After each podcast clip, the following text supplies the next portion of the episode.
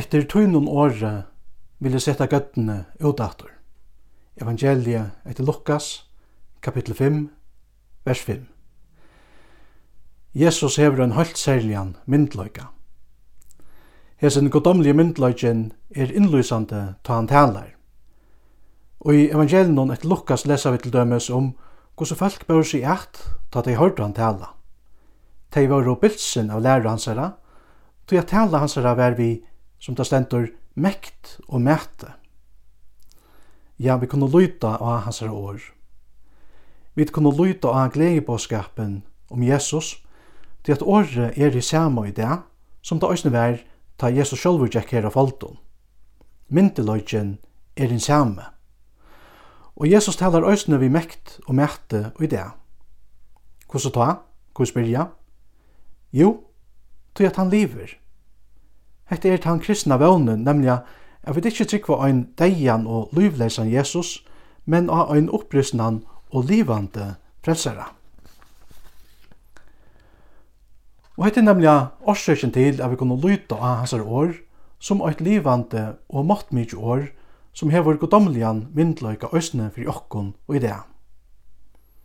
Legg ut av dype, og sette gøtten tykkere ut av en asetto, sier Jesus vi Petter. Røyndnar til Petri sett honom at det var ikke fiskar av fua, og så slett ikke om hesa tøyina av døgnon.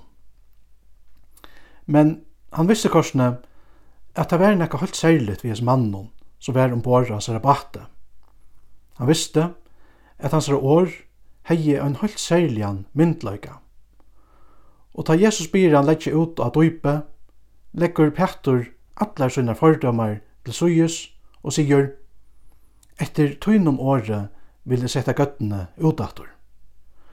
Og er størst under hendur, ta Petur lyter av Jesus og hans år. Tar få han nemlig fisk og i iverflå, bant motsatt øtlån forvantningon. Men som ein fylgja av hessen undrenon og i naturene, hendur òsne eit enn større undur. Egin ikkje Petre åpnast, og han byrjar a suttja hver hetta verlige er som er ombord av hans rabatte. Og her vi åpnast hans eie og øsne fyrir hans egnu støvo som ein sindare. Rastla kom av han. Petter falt ui nira sinne knø og seies i årene. Fær fram her, herre, til at jeg er jo en sindier mævur. Hvor kom Rasla av han? Hvor sier han etta? Jo, hetta komst av tøy at det just hesa løgtene tjekk opp for jonon at han nu var i Guds høyla og nærvero. Og tøy var det ute vi en syndere som honom. Per fram er herre, sier Petur. Det som hender her er altså at synderen og støvan til synderen vil avduka i Guds nærvero. Men 17. i Jesus samme kapittel, nå leser vi til korsene at Jesus sier ikkje tarvast tøymon frusku lakna, men tøymon og iltava. Ikkje komin a kalla rattvísar, men sindarar til omvendigar. Hevas Petur måtte jotta sina sindarlige støvo, ta var stattur i Guds høyla og nærvero, så var det i grunden just helta som òsne var årsøkjen til at Jesus var ombord av batnon til Petre henda dagen. Han var komin a kalla sindarar til omvendigar. Han var komin að kalla mannamikvinar og pættur til omvendingar. Og somleis er han æstene komin að kalla te og me til omvendingar. Og hette er velja ta stóra undre og jesun tekst nu. Per framer herre, måtte Petter sija, og i gos nerver. Men da Jesus kom ombord av batten til Petter, så var det æstene en innbjøving til Petter. Petter sier, fer framer, Men Jesus kommer vi en innbjaving og sier, her at møte, kom i hi her til moin, öll tid som arbeida, og geng under tungum byrån, og jeg vil veida tikkun kvilo. Vi kunne bruka baten til Petri som en mynd på okra egna lufsfær.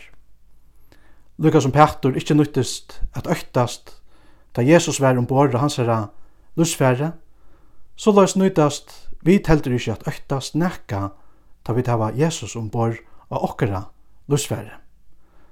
Tog ta vi tava Jesus ombord, ta hava vi fri vi god, og Jesu løvnån, og i atlar æver. Innbjauingen jauar til okkun høll. Jesus kjemur òsni ombord og okkara bakt. Han talar inn i okkara løyv og sier, Kom til moin. Jeg vil djeva ter moin fri. Jeg vil vajta ter kvilo. Og ta vi tøyre hans her kattlande rødd, færa til han og fylltje hånden etter, ta er vi òsne kattla inn i eit annars le av fiskeskapet, kan vi sija. Jesus sier vi Petur, øktast ikkje, her etter skal du vaja menn. Og det samme kallet jeg var østene til okkon i det.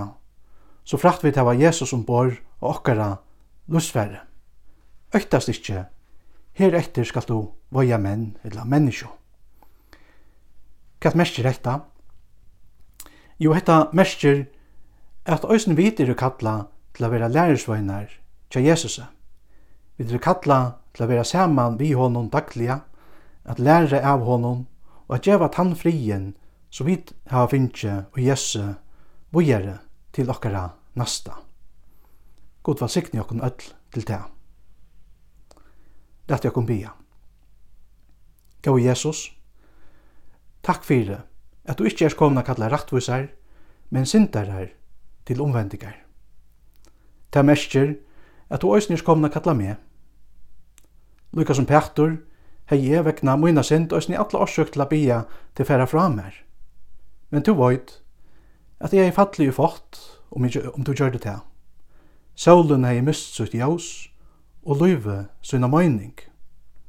Tog gledes mitt hjärsta iver, at du erst en av viner, som teker imot syndaron og leter tar vera tjat her. Og takk fyrir at du kallar tar til å vera mannafiskare, som er til valsiktnelse for i ånder. Herre, lett òsne med vera til valsignelse fyrir ånder, til tøyne er. Amen.